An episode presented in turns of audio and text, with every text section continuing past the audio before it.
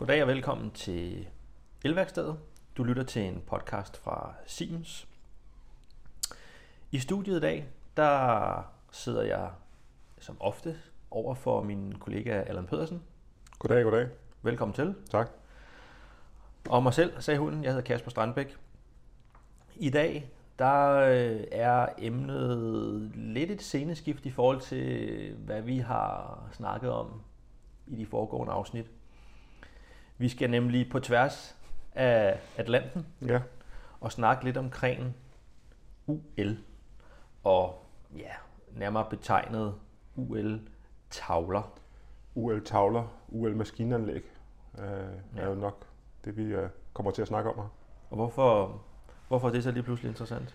Jamen, det, det er det jo, fordi vi øh, får øh, temmelig mange forspørgseler på øh, ja, UL-komponenter selvfølgelig, men, men også brug af dem. Altså, hvordan, øh, hvad skal man være opmærksom på? Hvordan øh, vælger man de her komponenter rigtigt? Og øh, det hænger jo nok sammen med, at UL er et af de absolut største eksportmarkeder fra Danmark. Og det er ikke kun, øh, det er ikke kun smør, det er også maskinanlæg og, øh, og så videre, der bliver eksporteret.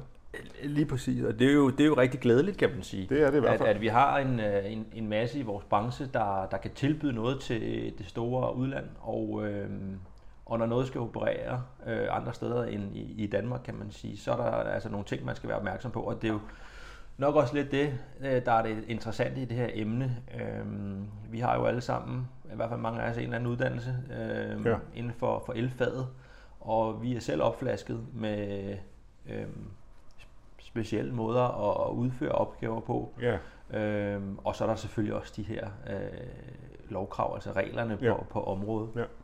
og det er der selvfølgelig også øh, på den anden side af Atlanten, Ja. men det er nogle andre. Ja, så det er vi ikke så vant til. Nej, øh, og det skal vi da prøve at kigge på i dag. Ja.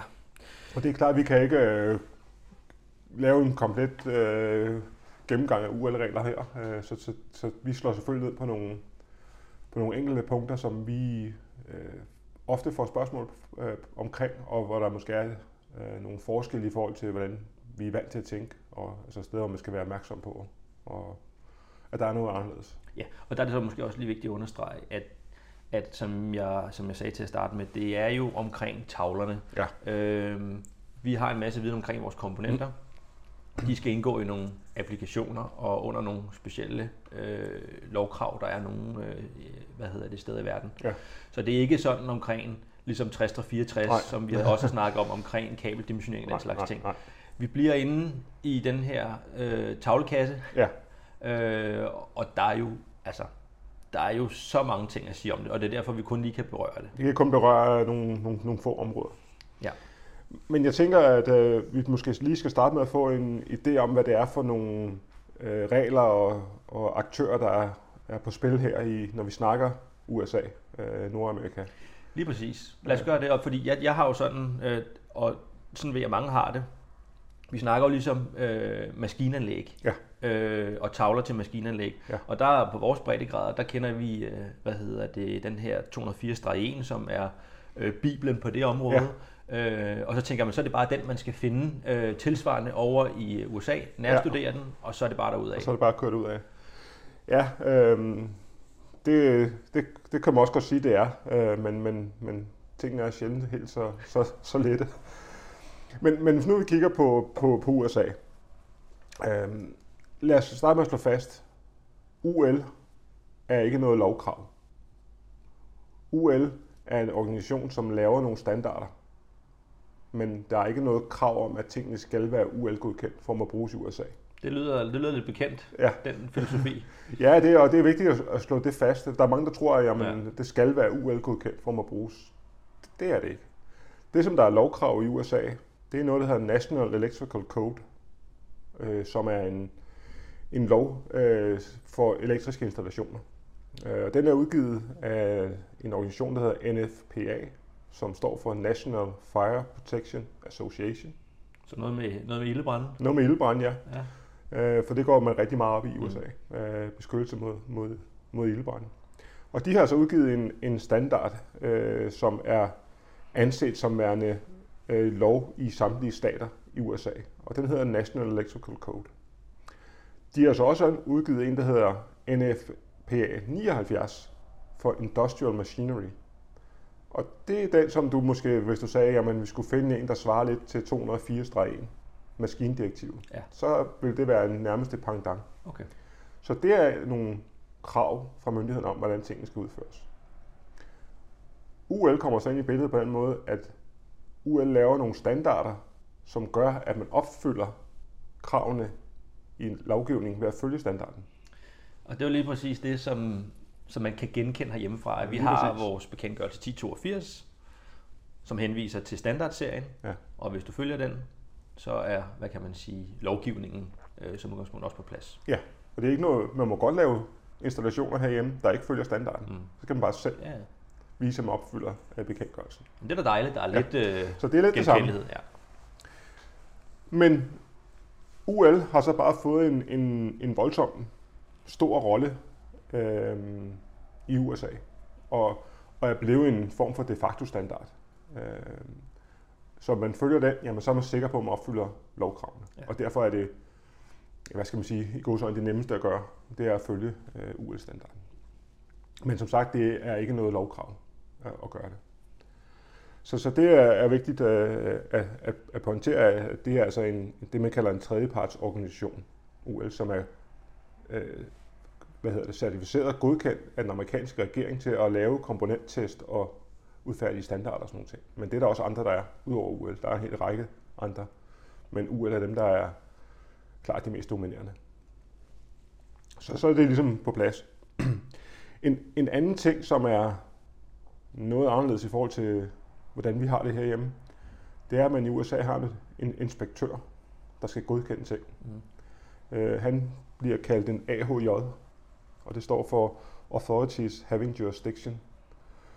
Øh, og det er altså en myndighedsperson, som skal godkende, for eksempel hvis en fabrik installerer et øh, nyt maskinanlæg, og der er en tavle til og et maskinanlæg, jamen, så skal det godkendes af den her sådan, inspektør, før der må sættes spænding på.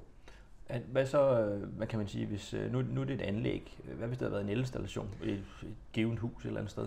Jamen, så er det faktisk i samme situation. Jeg har en øh, bror, der faktisk bor i USA. Mm.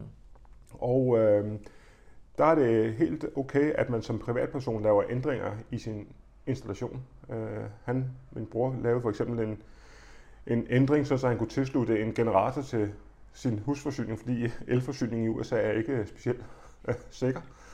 Og det kræver noget omkobling, hvor man kan koble nettet væk og koble generatoren ind og sådan nogle ting. Og det laver han selv, og når man så er færdig, jamen, så ringer man efter inspektør, så kommer han og kigger på det og siger, ja, det er godt, eller nej, det er ikke godt. Og, og sådan øh, øh, fungerer det altså. Det er jo et eller andet sted også øh, vigtig viden i den her sammenhæng, at det er sådan, det hænger sammen, fordi vi, vi er jo vant til noget andet Ja. øh, herhjemme. Altså, vi har jo vores autorisation, Ja. og øh, en virksomhed, der har den her autorisation, som så også følger reglerne, Mm. øh, der, der kommer der jo ikke nogen Og kigger. Og, og kigger. Nej. Så er det ligesom nok. Ja. Her vil der altid være en, der kommer og kigger. Og det er vigtigt at sige, at den person har ikke noget med UL at gøre. Det er en myndighedsperson, der er udpeget af den lokale myndighed og regering, øh, lokale regering, der udpeger de her øh, personer. Han kommer ud og kigger. I hans manual eller hans håndbog, der står så, at det er en stor hjælp for ham, hvis materialet, han skal godkende, er verificeret af en tredjepartsorganisation, som for eksempel UL.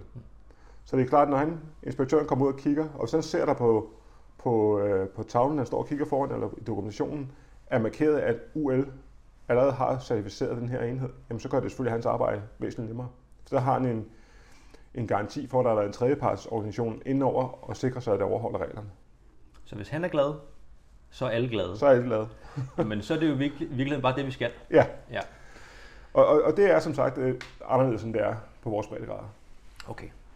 Jamen, øh, før vi så, tænker jeg, finder ud af, hvordan vi gør ham glad, Ja. øh, så er der jo en anden ting, der adskiller sig lidt fra vores breddegrader. Og, og en af de ting er blandt andet øh, den måde, de opbygger deres forsyningsnetværk på deroppe. Ja. Altså hele, hvad kan man sige, infrastrukturen i deres øh, forsyningsnet øh, ser anderledes ud, end, end den gør herhjemme. Ja.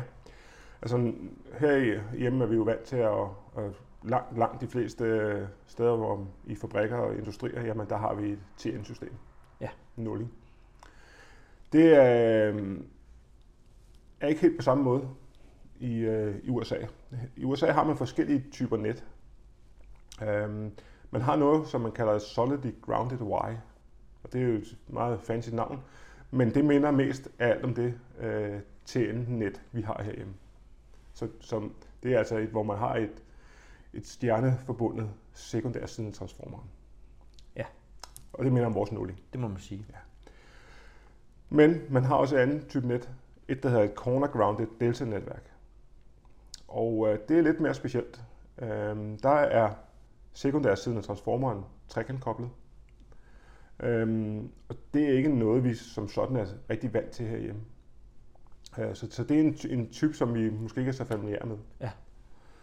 Endelig så har man også øh, det, der hedder et ungrounded netværk, som minder om vores IT-net, som vi ser på industri og så videre. Det findes også i, i USA. Okay. Så det er sådan de tre øh, hovedtyper, der findes. Ja. Øh, og så kunne man jo spørge sig selv, øh, okay, men hvorfor er det vigtigt? Og øh, hvad bruger de derovre, og hvorfor skal jeg vide det? Lige præcis. øh, og, og der kan man sige, dermed, hvad for det, der er mest udbredt, jamen det øh, har vi haft snakket med øh, den danske afdeling af UL-organisationen omkring. Og ifølge dem, jamen, så er det, når vi snakker industri, så er det faktisk det her corner grounded delta-netværk, der er det mest udbredt. Og øh, det er lidt interessant, fordi lige præcis i den type netværk opstår der en situation, som gør, at de komponenter, man skal vælge, dem skal, der skal man være opmærksom på, at man får valgt det rigtige. Og det er der forskellen ligger i forhold til det, vi er vant til. I Danmark og i Europa er vi vant til, at vi skal vælge komponenter ud fra en spænding. Er det 400 volt eller 605 volt? Men ikke ud fra, om det er et TN-system, eller det er et TT-system, for eksempel. Det betyder ikke så meget for komponentens øh, færdigheder, med så må sige. Men det gør det altså her. Mm-hmm. Øhm, og, og derfor er det vigtigt at vide, når man begynder at skal projektere sit anlæg, så er det vigtigt at vide, hvad det er for et netværk, det skal installeres i. Og det kan selvfølgelig være en udfordring, når man er maskinbygger, øh, at finde ud af det. Fordi jeg laver en maskine, der kan, hvad ved jeg, øh, et eller andet til at lave ost, eller et eller andet, som bliver installeret, men jeg har jo ikke nogen, nødvendigvis nogen forudsætning for at vide øh, installationen der, hvor det skal installeres. Nej, jeg synes jo i virkeligheden, at, at det, der, hvor det er lidt interessant, det er, at som du siger, øh, den måde, vores netværk er, er, er bundet op på, der er, øh, der, der er selvfølgelig nogle ting, man skal være opmærksom på. Øh, for eksempel, igen, bare for at tage et eksempel, hvis det er et TT-netværk, jamen, så er der noget, der ringer klokker omkring, at hvad hedder det, jordingen er blevet lavet på en anden måde, mm. kan gøre, at vi skal introducere nogle fejlsomsrelæer for at kunne øh, hvad hedder det, opfylde lovgivning osv. Ja. Øh, her øh, der er det noget helt andet, men det er vigtigt, fordi at den, igen, der komponent, der sidder inde i tavlen, kan have det meget hårdere under mm. det ene netværk kontra det andet netværk. Præcis. Øhm, og, og vi skal prøve at lade være med at gå alt for dybt ind ja. i den tekniske, men, men, men kort fortalt, når man kigger på en komponent, der er UL øh, godkendt, så øh, oplyser man selvfølgelig en frygtelig masse forskellige information. Men en af de ting, man oplyser, det er en spændings, en nominel spændingsrating på komponenten. Og når man har, øh, snakker UL-komponenter, så har man grundlæggende to forskellige typer ratings.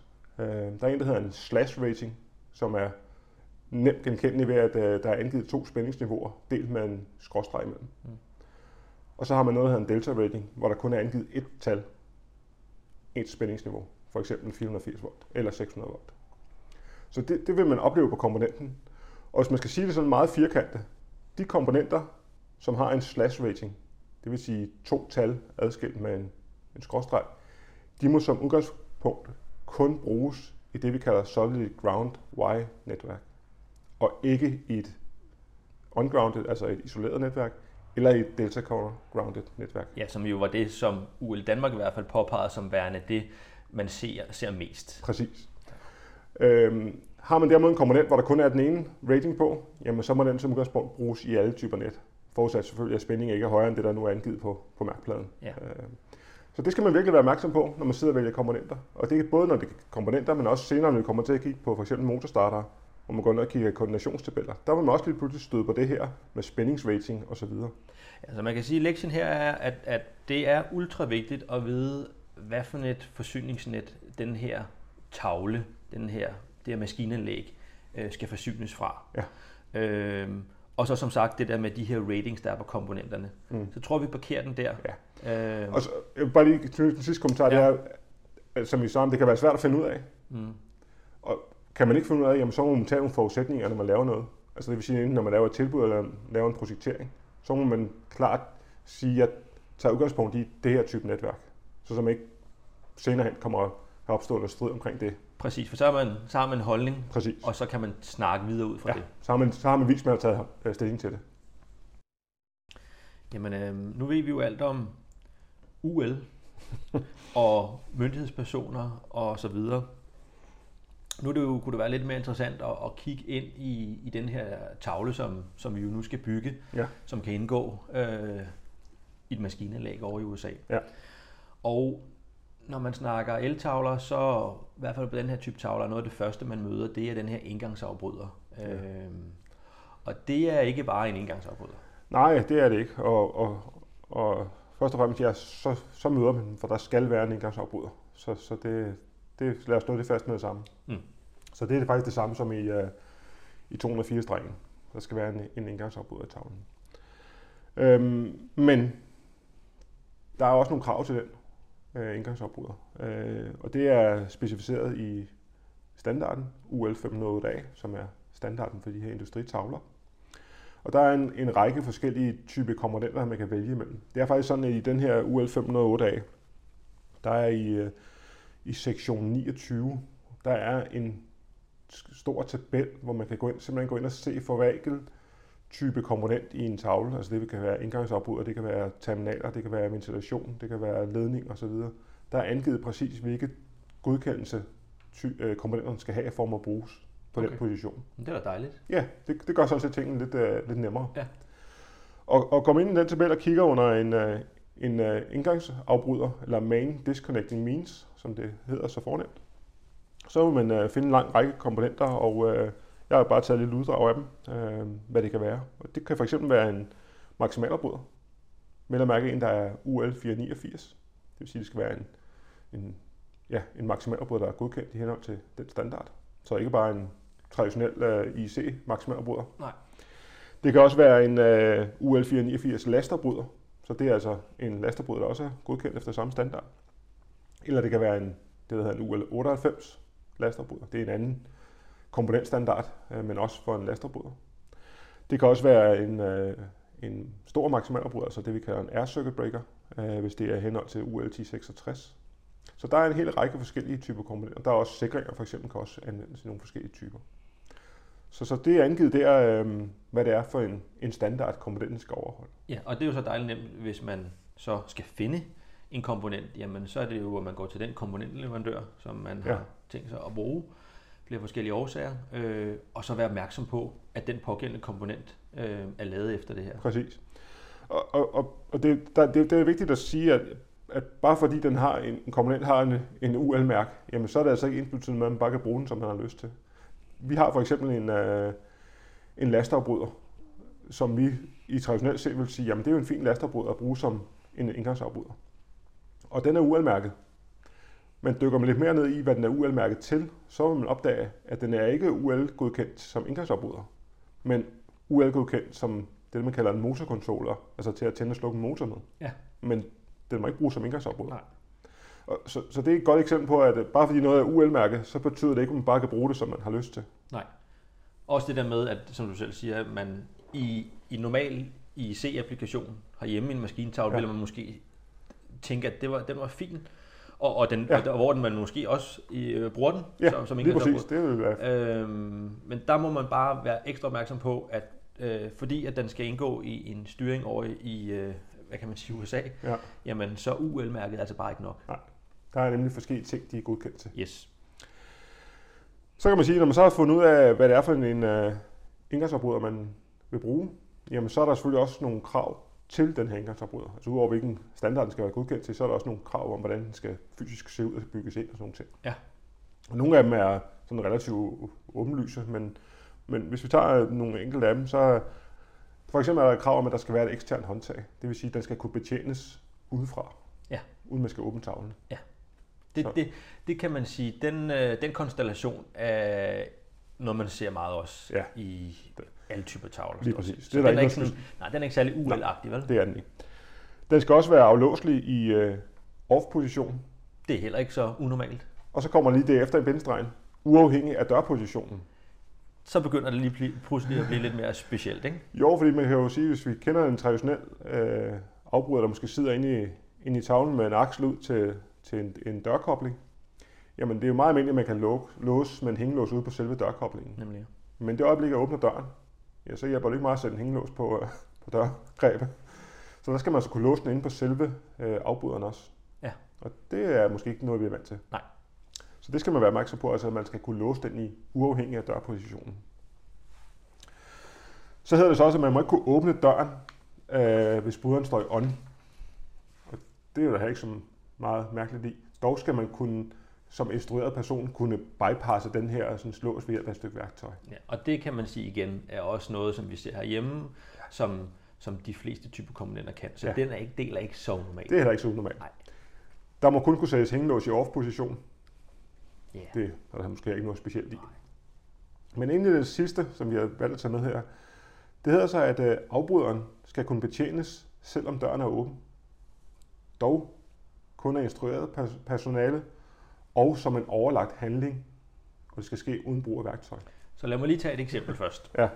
Det her med at åbne en tavle, og vi har den her type afbrud, hvor der sidder en aksel, der kan betjenes ud fra fronten. Ja.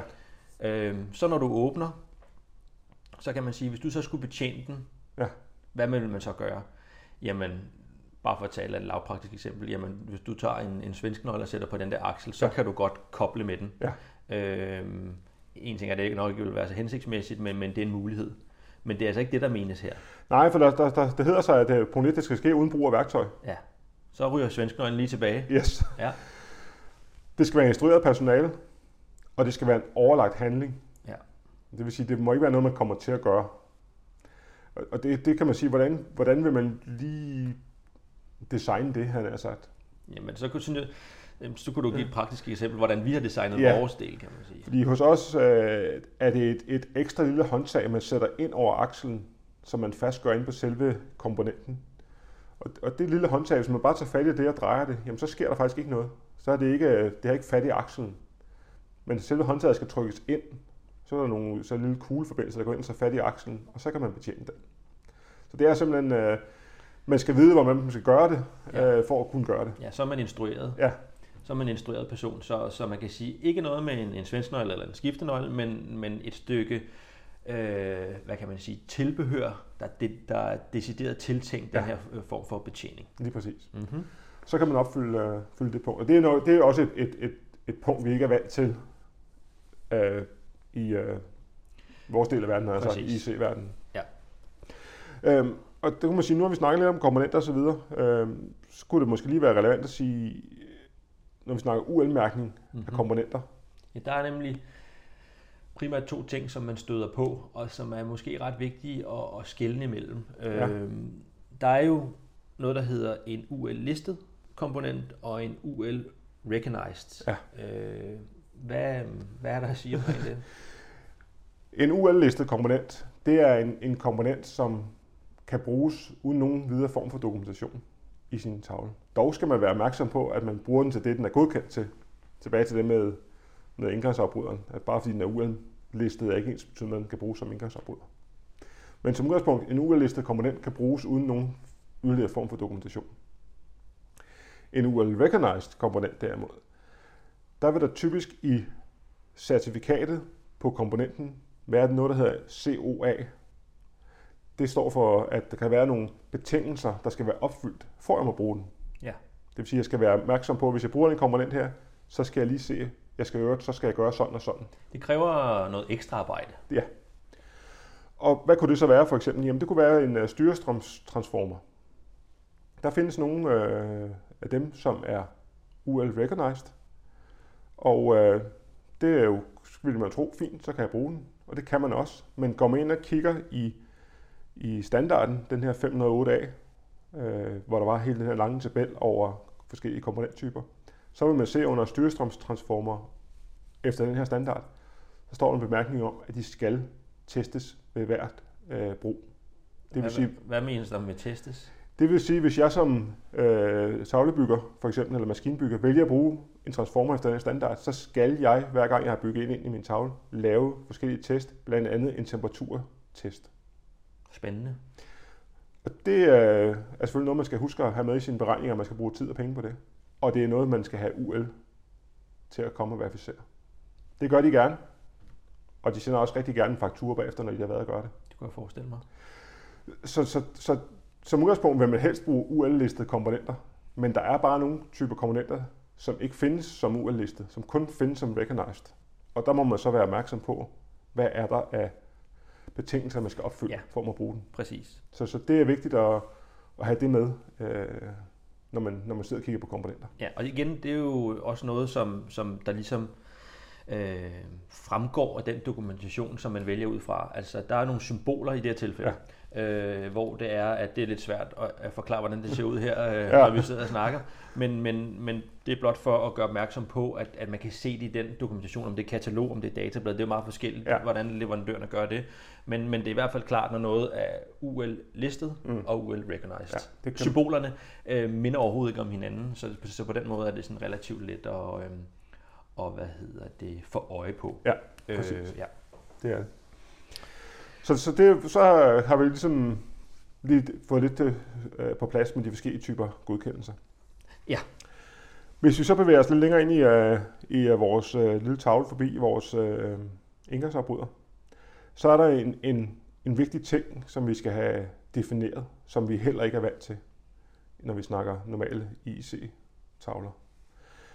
I UL-sammenhæng har man en adskillelse mellem det, man kalder branch circuit og feeder circuit. ja, så kredse, forskellige kredse inde i Ja. tavlen. Og der er det vigtigt at få defineret, hvor skillepunktet mellem de to kredse er. Ja, fordi der, her der er altså ikke bare tale om øh, en, en hovedstrømskreds og en styrstrømskreds, Nej. øh, som er til at finde ud af øh, for, for de fleste. Der er nogle, nogle specielle kendetegn. Det er der nemlig er. Og hvis vi starter med at sige, hvordan definerer, hvordan definerer man, hvor man går fra det ene til det andet, Mm. Så er det sådan, at øh, man skal lidt, igen måske omvendt, hvad vi er vant til, så starter man ud ved belastningen. Så hvis man for eksempel har en, en motor Mm. siddende øh, forbundet til sin øh, styretavle, så starter man ud ved motoren, og så bevæger man sig langsomt, eller ikke langsomt, bevæger sig baglæns ind i, øh, i øh, gennem øh, hvad hedder det, systemet, mm-hmm. gennem kablet. Og den første kortslutningsbeskyttelseskomponent, man møder, og vælge med kortslutningsbeskyttelseskomponent, det er der, hvor skillepunktet mellem branch circuit og feeder circuit. Så det ud mod motoren, det er branch circuit, og det inde i tavlen over kortslutningsbeskyttelsen, det er feeder circuit. Okay. Og det kunne måske godt være lidt omvendt i forhold til, hvad man tænker på feeder. Det er, feeder, det er jo noget, der forsyner noget. Det er det normale, kan man sige. Ja. ja. Uh, her, her er det te- set ud fra, at det er feeder til tavlen, og ikke feeder til belastninger. Nej. Uh, og hvorfor er det så lige, det er vigtigt at få defineret den her øh, forskel her? Jamen, det er fordi i UL 508A, altså standarden for tavlerne, der er forskellige krav til krybe luftafstand, alt efter om det er branch circuit, eller det er feeder circuit. Og det betyder lidt med, hvordan komponenterne øh, skal vælges, og hvordan komponenterne til, skal, kommer til at se ud, og hvilke type komponenter, der kan vælges. Ja, okay. Det er det her med, at øh, det erindrer jeg jo, at øh, de er let genkendelige, når det er, at de er til den ene del. Altså når det er, at komponenterne ikke ligner det, vi er vant til at se på vores breddegrad. Det vil sige, hvis tager du en helt almindelig automatsikring for eksempel, og kigger på terminalerne, Mm. så sidder der sådan et høje finder, sådan en slags øh, terminalafdækninger imellem øh, polerne, alt efter hvor mange der er, Ja, på en UL-version. på en UL-version. Ja. Øhm, og og der, der kan man virkelig se, at, at det er noget, en type komponent, vi ikke er vant til at se i, Ja. i en eltavle her i, øh, ja, på vores breddegrad. Ja. Og, og de der små finder, eller Mhm. faseskildplader, eller hun vil kalde det, det er simpelthen for at kunne opfylde kravene til de her øh, krybe øh, og luftafstande, der er, når det skal bruges i feeder circuit. Ja. Så derfor er det vigtigt at have den definition på plads. Mhm. Hvad er hvad inde i tavlen? Ja, fordi ja, så tænker jeg jo lidt, at så kunne man jo tage lidt forskellige komponenter Ja. øh, og, og prøve at, at gå igennem, fordi lige så vel som indgangsafbryderen, så, så i sådan en, øh, hvad hedder det, styrtavle, er der, øh, ja, hvad kan man sige, heldigvis øh, no, nogle andre komponenter end kun den. ja. Og, og en af de komponenter, som man kunne støde på, det var den her, øh, eller er den her helt klassiske øh, motorstarter. Ja. Det er, jo, det er jo nok en af de, hvad skal man sige, afgangstyper, der er mest almindelige i en styretavle. Det er selvfølgelig, at man har nogle motorer siden, at man skal starte og stoppe og styre. Ja. ja. Og, og kigger man ned i det, jamen så i henhold til, øh, til standarden UL 508A, som altså er tavlestandarden, så skal en motorstarter indeholde fire forskellige funktioner. Og de fire funktioner, det er adskillelse, det er kortslutningsbeskyttelse, det er det, man kalder motorkontrol, styring af motor, og det er overbelastningsbeskyttelse. Så de fire funktioner skal en motorstarter kunne håndtere. Mm. Så har man i øh, UL 508, og der skal man lige holde tungen lige i munden her, fordi UL 508 og UL 508A er to vidt forskellige standarder. Skønt. Ja. Desværre har man valgt at lægge det meget op og ned af hinanden. UL 508A, det er en tavlestandard. UL 508, det er en komponentstandard for motorstartermateriel. Men i den her øh, komponentstandarden, UL 508, der er forskellige typer af kombinationer af øh, komponenter, der kan opfylde de her sådan, øh, fire grundlæggende funktioner, man ønsker. Og de er meget opfindsk kaldet fra type A til type F. Okay. Og der kan man gå ind og se, hvordan de er, de er opbygget. Øhm, den langt mest almindelige type, som der anvendes, det er den, der hedder en type F. Og hvad består den af? Ja, den består af en type E plus en kontakter. Okay. og så kan du spørge sig, hvad består en type E så af? Ja, tak. Ja. Jamen en type E, det er det, der hedder en Self-Protected Control Device. Det er en komponent, altså en komponent, som kan alle fire funktioner. Adskillelse, kortslutningsbeskyttelse, styring af motor og overbelastningsbeskyttelse. Ja, og der kan man sige, øh, en af, man kan genkende mange af de der begreber. Hvis du tager et klassisk øh, håndbetjent motorværn, som øh, jo også er en motorstarter, i hvert fald ja. en, en del af det. Øh, hvad hedder det? Der kan man jo rent faktisk godt starte og stoppe motoren med den. Ja. Det er den sådan, det er den godkendt til, det er den lavet til. Ja. Øh, både kan man sige nu i UL-sammenhæng, men jo sådan set også i C-sammenhæng. Der. Ja, fordi det viser sig faktisk, at motorstarteren, om det er til IC ja. eller til UL, det er samme komponent. Den er dobbeltgodkendt. Ja, okay. Det giver lidt så mening. Den kan, den kan bruges begge dele. Yes. Det er der så bare faktum her ved, at den, den opfylder alle de øh, krav, der er til den i forhold til standarden. Øh, faktum er så, at i langt de fleste tilfælde, at er der en, en kontakter. Det er ikke særlig praktisk, hvis man skal styre sin maskine ved at have en mand stående foran tavlen og tænde og slukke for de forskellige håndbetjente motorværn, når man synes, at en motor skal tænde og slukke. Ik- ikke så meget mere i hvert fald. det vil man selvfølgelig gerne kunne gøre ved hjælp af noget styring, og derfor skal der en kontakter til. Hmm. Og det er så det, en type F er. En type F er i princippet en type E, hvor man har tilføjet en kontakter. Okay. Så man har et håndbetjent motorværn, der tager sig af adskillelsesfunktionen, af kortslutningsbeskyttelsen og overbelastningsbeskyttelsen. Godt. Og så selve styringen af motoren foregår så ved hjælp af kontakterne. Ja.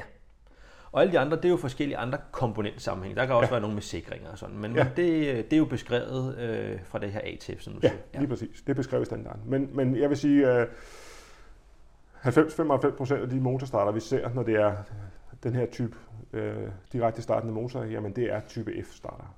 Har også noget at gøre med sådan økonomien i det, tror du ikke?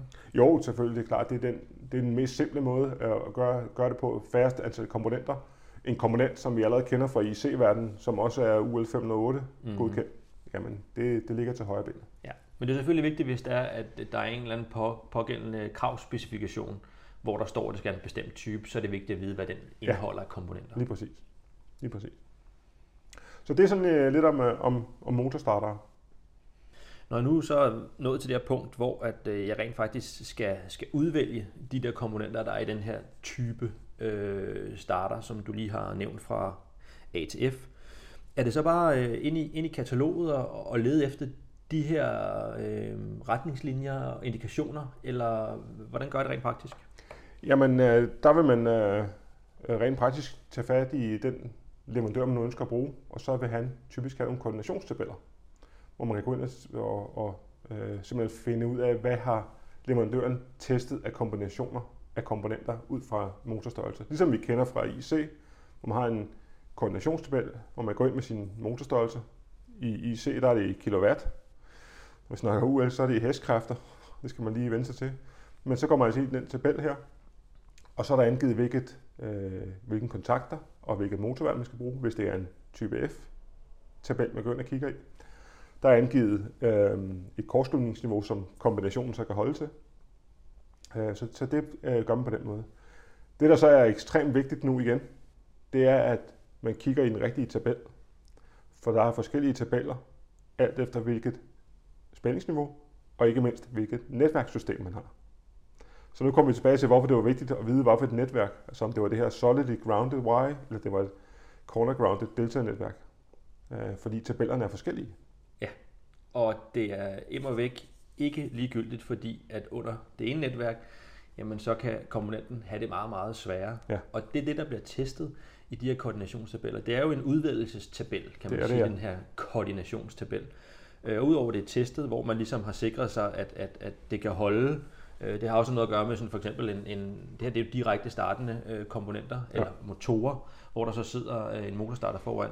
Der er det jo selvfølgelig også vigtigt, at det ikke er noget, der øh, kobler ud under, under Ja, opstart. det er klart. Alle sådan nogle ting er testet for fabrikanten. Mm. Så, øhm, så det, det, det er den måde, man skal gøre det på. Ja, det er det. Øh, og som sagt, der, der skal man altså vide, hvilken tab- tabel man skal kigge i. Og der hænger det her med netværkstypen rigtig sammen med det. Fordi det, altså kan man kigge i en forkert tabel simpelthen. Ja. Øh, og få valgt noget forkert. Godt, jamen det er jo så fint nok, for når man har dem, så virker det til, at man kan blive guidet på ja. en relativt simpel måde. Det kan man. Nu findes der jo andre øh, øh, startformer øh, end, end sådan en her klassisk direkte startende motor. Mm. Øh, man må erkende, at øh, frekvensomformeren, den er, den er kommet for at blive. Ja, det er det. Øh, og dem ser vi flere og flere af rundt omkring. Hvad, øh, hvad er der at sige omkring dem? Jamen, der er faktisk en, noget meget vigtigt at sige, øh, fordi de adskiller sig også igen fra, hvad vi er vant til i C-verdenen, øh, og så over til UL-verdenen. Og det synes jeg er meget, meget simpelt, fordi øh, i UL, der hænger det sådan sammen, at det beskyttelsesudstyr, der skal sidde foran frekvensomformeren, der skal man bruge det, som leverandøren, fabrikanten af frekvensomformeren, han angiver i sin dokumentation. Der er Så, øh, så hvis han angiver, at der skal bruges en sikring af en eller anden type, så er det den, man skal bruge. Angiver han, der skal bruges et, øh, et motorværn af en eller anden type, så er det det, man skal bruge. Øh, der er ikke så meget åben til fortolkning. Så der skal du ind og kigge. Der er, selvom alt hvad du måtte have af, hvad hedder det, applikationseksempler, måden du ja. har gjort det på øh, tidligere, det er ikke, ikke godt nok her. Nej. Det er det ikke. Og hvis man så har en situation, hvor man øh, måske har en, en leverandør af en øh, frekvensomformer, som ikke angiver noget som helst, Mm. Det kunne også godt være en situation. Øh, så er der også regler for det. Så hedder det så, at man skal bruge enten en sikring, som er godkendt til det, der hedder Branch Circuit Protection, det vil sige, der er godkendt til kortslutningsbeskyttelse af en installation, der går ud i, uden for tavlen. Eller man skal bruge en UL 489 godkendt afbryder. Så man må ikke bruge det, vi vil kalde et håndbetjent motorværn. Nej, fordi den er ikke godkendt efter den standard. Nej, den er godkendt efter UL 508. Og det er jo en situation, man typisk vil gøre i en IC-tavle. Jamen der er det meget almindeligt at sætte et såkaldt motorværn foran en frekvensomformer. Og det går absolut ikke her. Nej. Med mindre leverandøren af frekvensomformeren siger, det er okay. Ja. Så er det selvfølgelig okay. Så altid ind og tjek, hvad siger leverandøren af fre- frekvensomformeren, og gør, som der står der. Skriver han ikke noget overhovedet, jamen så er det en, enten en sikring, der er godkendt til Branch Circuit Protection, eller en UL 489 afbryder. Ja, og det kunne man så sige, altså det kunne godt være en, en, en maksimalafbryder. Ja. Det kunne også godt være en automatsikring, der Det var godkendt, men de ser, de ser anderledes ud. De er typisk lidt, måske lidt større, end hvad man ville have, sådan normalt ville have brugt. Ja. Øh, det er jo igen, når vi snakker de mindre typer, øh, eller de mindre størrelser motorer. Ikke? Ja, præcis. Ja. Vi bruger også øh, RT halvledersikringer Mm-hmm. foran øh, frekvensformer. Ja. Og det er også okay i henhold til UL, hvis leverandøren af frekvensformeren igen har angivet, at det må bruges som beskyttelse. Man må altid tilføje det. Hvis man forestiller sig, at- en øh, frekvensomformer leverandør har skrevet, at der skal sidde en øh, maksimalafbryder foran, Mm. og man godt vil have noget ekstra beskyttelse af omformerens elektroniske kredsløb, så må man gerne tilføje en halvledersikring. Men man må ikke tilføje en halvledersikring og så fjerne maksimalafbryder. Nej. Det går ikke. Nej, der skal man have en ekstra komponent med Ja, der. ja. Okay. Så det er det absolut vigtigste med frekvensreformer, det er husk at tjekke, hvad leverandøren siger. Okay. Nu tænker jeg lige på en ting her, som, øh, er, som ikke er så meget komponentrelateret, men mere, når vi nu skal fortråde alt det her ind i den her tavle her. Øh, jeg Ja. er jo ligesom øh, vokset op med, at når man skal trække et kabel, så er det angivet i øh, kvadratmillimeter. Ja. Øh, så tværsnittet. Øh, og der har været nogle, nogle dimensioneringsregler og nogle, nogle, nogle ting og sager. Det er der jo selvfølgelig også her. Ja. Øh, men, men det hedder jo som udgangspunkt ikke kvadratmillimeter. De har lidt øh, nogle andre måder at, at, at beskrive deres øh, tværsnit på. Ja. Og øh, hvad, hvad skal man være opmærksom på her? Kan man bruge det, man er vant til at have på hylden, øh, hvis man har en eller anden konverteringstabel, eller øh, skal det have en eller anden speciel godkendelse? Ja. Jamen, der er det igen øh, at, at dykke ned i, øh, i den her sektion øh, 29 i 508A, fordi øh, der er også et, i den her store tabel over godkendte øh, materiel, der er også øh, en øh, sektion, der omhandler ledninger. Mm. Og her er der en, ja, som husker, tror jeg, der er en 5-6 forskellige øh, standarder, den henviser til, der er godkendt til at blive brugt i en tavle. Det er selvfølgelig alt sammen UL-standarder for ledninger.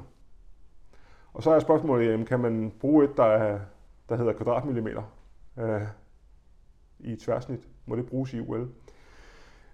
Ja, det må det godt, men det vil typisk også altid have en, det vi kalder en AVG, som er den betegnelse, man bruger i USA for øh, ledningstværsnit. Det hedder AVG. Men der er flere leverandører af ledninger, som har det, man kalder multigodkendt ledning. Det vil sige noget, der både er godkendt til IC-brug og til UL-brug. Og så har det også begge størrelser angivet. Ja, så, der... så både en kvadratmillimeter og en AVG. Okay. Så det vigtigste er, at den er godkendt i forhold til en UL-standard, som er angivet i standarden, UL 508A-standarden, der må anvendes i tavlen. Ja. Og det kan sagtens være noget dobbelt godkendt. Det er klart, hvis man, hvis man har et værksted, hvor man laver rigtig mange UL-tavler og IC-tavler, så kan det godt være en fordel at have en ledning, man må bruge begge steder, uden, så behøver man ikke at tænke så meget over, ja, om man bruger det rigtigt, men kan bruge det samme øh, hele tiden. Ja, okay. Så, så faktum er, at øh, det er ikke nok bare at have en konverteringstabel hængende på væggen. Du er nødt til også at have den rigtige godkendelse. Ja. Præcis. Og man kan måske lige uh, tilføje, at, uh, at der er selvfølgelig også i UL er nogle krav til, til farverne på, led, på, uh, på de interne ledninger. Mm-hmm.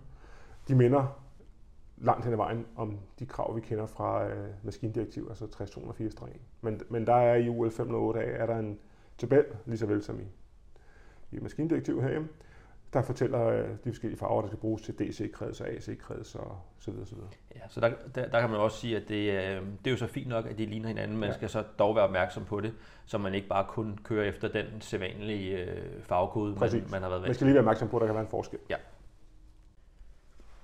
Nu har vi så snakket lidt omkring øh, nogle komponenter, der er øh, i henhold til forskellige standarder. Der er blevet nævnt UL øh, hvad hedder det, 489, der er blevet nævnt UL 508 og ikke 508A. Mm-hmm.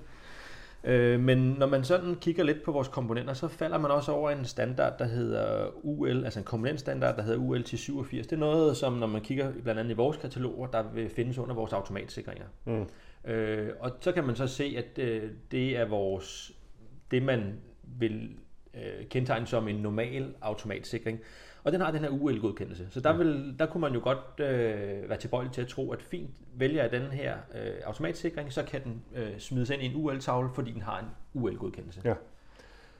Men, Men lige præcis øh, den her øh, standard, der hedder UL 1077, øh, det er en standard, øh, som eller hvor komponenter, der er godkendt i henhold til den her standard, må bruges til det, der hedder supplementary protection. Mm-hmm. Og så kan man spørge sig selv, hvad hulen er det? ja, hvad, hvad betyder det så? Det betyder med andre ord, at den må bruges til beskyttelse af interne kredsløb i tavlen. Så det kunne for eksempel være til et øh, noget styrestrøms øh. Man kan forestille sig, at man har en, en styrestrømstransformer siddende i sin tavle. Mm-hmm. Og så kan man have nogle forskellige kreds øh, på sekundærsiden til styrekreds, til kontakter, til lamper osv. Der må den bruges som beskyttelse der. Ja. Men den må ikke bruges, hvis der er nogle af de kreds, der kører ud af tavlen. Det kunne for eksempel også godt være, at man havde en, øh, en styrestrømstransformer, hvor man så havde en, en afgang ud til noget ventilværk, for eksempel, der sad ud på ens maskinanlæg. Mm. Der må den ikke bruges til. Så det må kun være til interne kredsløb i tavlen til styrestrømskreds. Okay. Den må så heller ikke, vi snakkede tidligere om det her definition på feeder og branch circuit. Sådan en øh, almindelig 1077 automatsikring må ikke placeres i det, vi kalder feeder circuit. Så den skal placeres nede i det, der hedder branch circuit. Med andre ord, den må bruges på sekundærsiden af en, for eksempel en styrestrømstransformer eller en strømforsyning, for sags skyld. Ja. Til intern kredsløb. Yes. Så en begrænset, øh, hvad kan man sige, brug af den. Ja. Men trods alt øh, falder man ofte ind at have behov for altså, sådan Mm. en type komponent. Og der kan man lige så godt vælge sådan en her. Ja, fordi som sagt, øh, hos os og hos mange andre, jamen, der er det den helt almindelige standard automatsikring, der også har den godkendelse. Ja. Og den er imod væk øh, noget mere økonomisk fordelagtig end en UL 489 automatsikring. Lige præcis. Så, så på den måde kan der absolut være idé at bruge den. Når nu vi snakker om lidt mere normale øh, komponenter, så er det jo ofte sådan, at øh, i hvert fald når man kigger ind i en styretavle øh, på vores breddegrader, så kunne der godt være sådan en såkaldt en service dekontakt. Altså, du skal programmere din PLC, du har behov for at, og, øh, at føde den med noget, med noget 230 volt for eksempel. Ja. Øh, sådan en service dekontakt. Ja. Øh, og der er det jo det her med, når man har sådan en, så kunne det være, at man skulle have noget, øh, en fejlsomsafbryder siddende foran. Mm. Øhm, hvordan tager man stilling til det, hvis det er en, en, en UL-tavle, øh, og man så for eksempel har stikkontakter? Skal der, skal der fejlsomsafbryder på? Ja. Øh, som udgangspunkt, så er svaret ja. øhm, så kan man dykke lidt mere ned i det og finde ud af, at der er nogle, nogle situationer, hvor det ikke er nødvendigt. Men hvis man tager som udgangspunkt, hvis tavlen er, er beregnet for udendørsbrug, Mm-hmm. så skal det være der.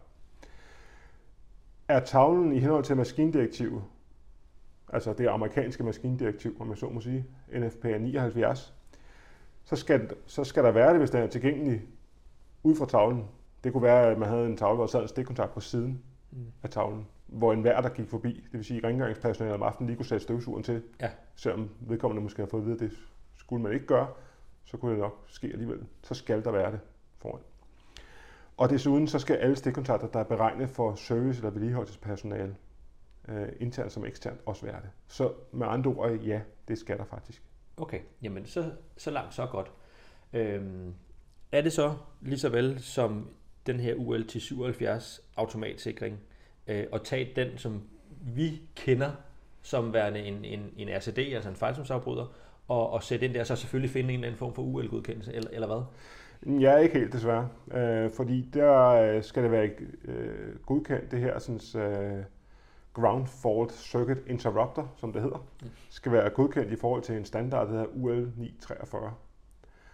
Og det er ikke sådan bare lige at tage en standard øh, kombiafbryder eller øh, fejlstrømsafbryder, og så sætte op på en dinskin, og så er det øh, øh, klaret. Det vil faktisk øh, ofte det vi ser, jamen så er det rigtig svært at finde den komponent, som det vi kalder en standard tavlekomponent, men nærmere som en komponent, man, man placerer i en installation, det vil sige en, en indbygningsdåse Ja, ja. under sin øh, afbryder til at tænde og slukke lyset for. Ja.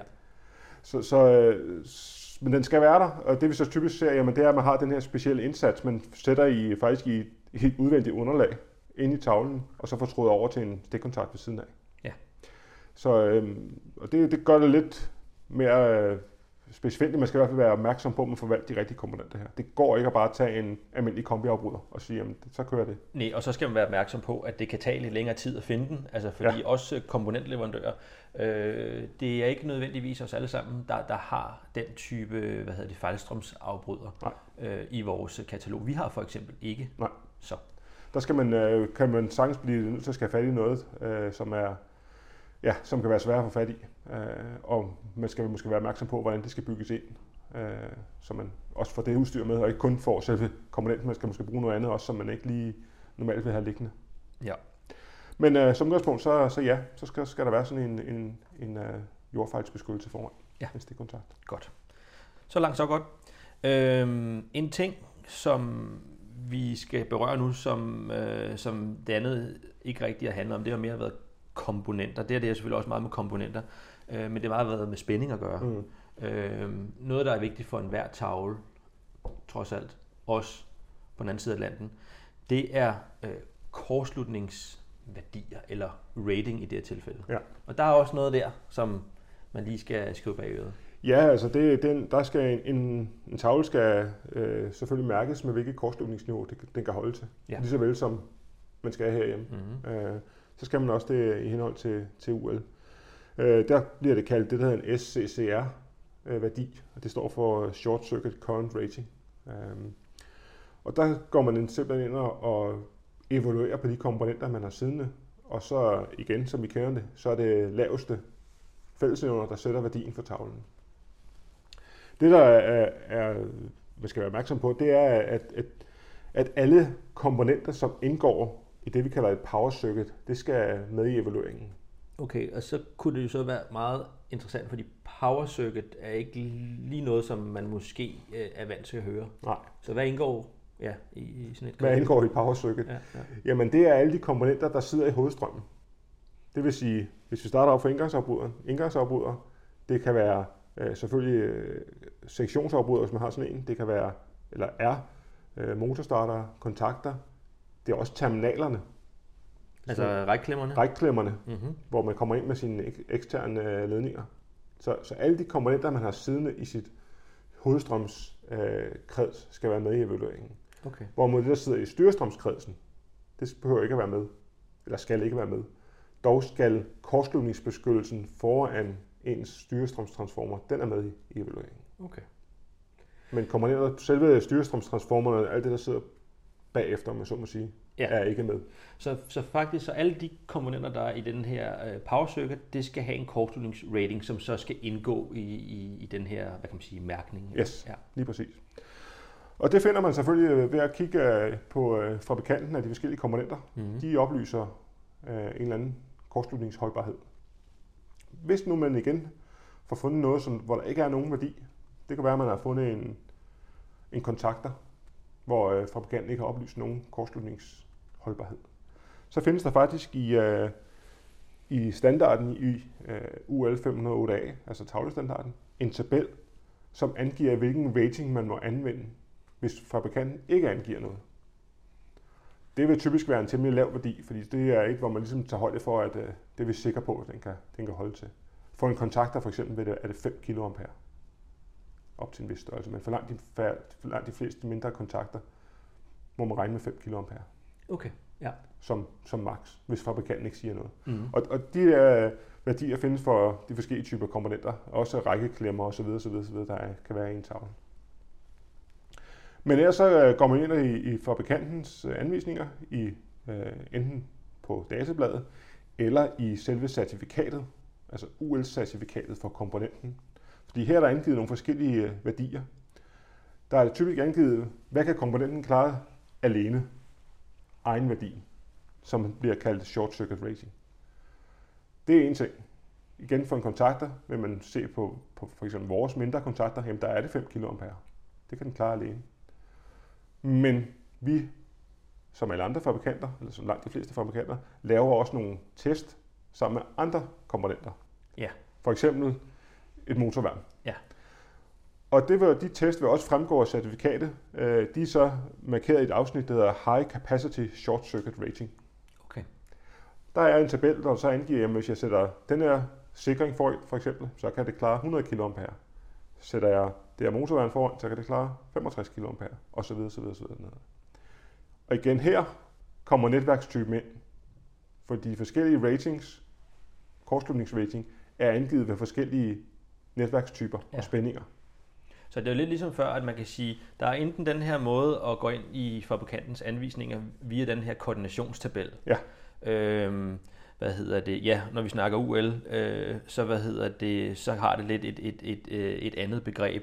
Ja, Øhm, combination test. ja, Men det er lidt det samme. Det er, Det er hvor det er, at der er flere komponenter, der er blevet testet sammen, og så kan øh, indgå i et højere kortningsniveau. Ja.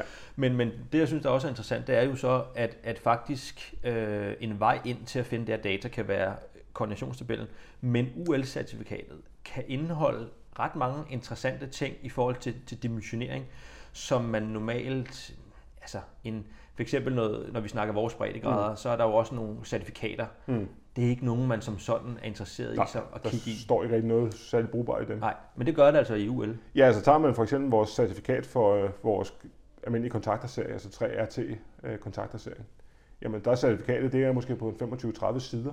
Mm.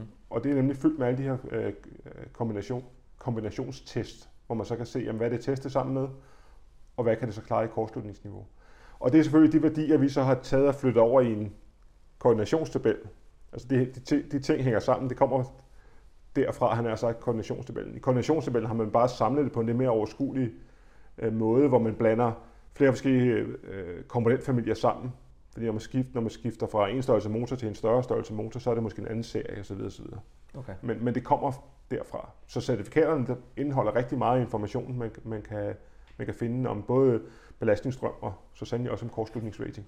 Så kunne det selvfølgelig også være relevant at finde ud af, hvordan man finder de certifikater, Ja. øh, UL-certifikater. Præcis. Hvad, hvad, vil du bare sige vil være den nemmeste måde, Jamen altså starter vi, med vores komponenter? Starter vi med, med, med os selv, øh, jamen så er det nemmeste, det er at gå ind på vores øh, Siemens Industry Mall, slå komponenten op derinde, og så er der et lille, øh, ud for, der kommer et fint billede frem af komponenten, og ud for der, der er et link, der hedder flere informationer, øh, certifikater med mere.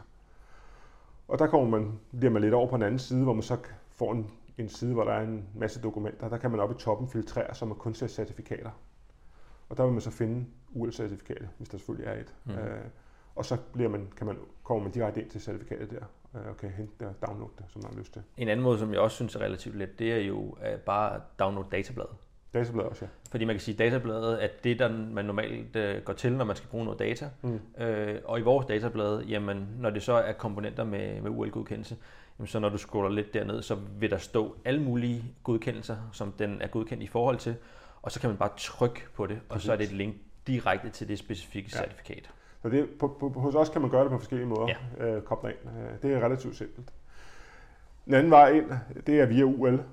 Gå ind Mm. på deres hjemmeside ul.com, så har de også derinde adgang til deres database, hvor man kan søge direkte. Der kan man søge på direkte på øh, forskellige søgeord. Man kan fx skrive øh, fabrikant, øh, hvad fabrikanten, altså Siemens, og så øh, 3RT for eksempel. Jamen, så søger den database, og så kommer de certifikater frem, der har med det at gøre. Ja. Så, så det er også en måde at, at finde det frem på. Godt. Det er blevet tid til en, øh, en afrunding på det her emne, som jo er, øh, ja, hvad kan man sige, ikke helt så lige til. Der er, der er rigtig, rigtig mange øh, punkter, hvis man, når man først dykker ned i det. Ja. Det, det er der. Så det, øh, det er på ingen måde nemt, og vi har selvfølgelig forsøgt at tage et, et udpluk Ja. øh, for nogle af de ting, som vi møder i vores hverdag Ja. på, på, på problematikker, som, øh, som folk enten har lidt, øh, lidt be- begrebsforvirring omkring. Mm. Og, og, specielt det her med, at, at, at når bare en komponent har en UL-godkendelse, så kan den indgå i en UL-tavle, og alt er godt. Ja. Øh, der er mere til det end det. Det er der i hvert fald, ja. Øh, lad os starte med en, vores netværkstyperne. ja. Jamen, det der synes jeg er vigtigt ved det, det er, at netværkstypen har en betydning. Det er vigtigt at enten finde ud af, hvilken netværkstype man har, eller tage nogle forudsætninger i ens projektering. Ja. Øh, for det har en- stor indflydelse på valg af komponenter. Så, så derfor er det vigtigt. Så er det også vigtigt, at når det kommer til den her indgangsafbryder, der er i tavlen, øh, og være ops på de krav, der er til den. Ja, der er både nogle krav til selve komponenten, Mm-hmm. hvilken komponentstandard den skal følge, Ja. og så er der også nogle krav til, hvordan skal den øh, monteres og betjenes. Yes. Øh, så, så, så både at den er den rigtige komponent i henhold til standarden, men også hvordan den bliver monteret i tavlen er vigtigt. Yes. Så er der det her mellem branch circuit, feeder circuit. Ja.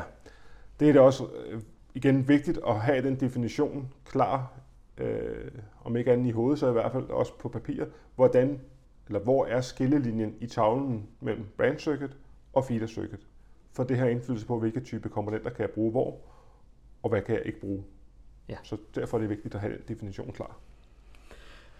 Så øh, andre komponenter, der er i tavlen, der var det først motorstarteren, vi snakker om. Øhm, og øh, der må man sige, at i forhold til den, jamen husk den her koordinationstabel, mm. som fabrikanterne laver, hvor de tester det sammen, den er både god øh, i forhold til at være sikker på, at, at, at det ligesom øh, holder i kombination sammen, og øh, endnu mere vigtigt er, at der vil være de her både referencer til typen af starter, altså A til F, mm.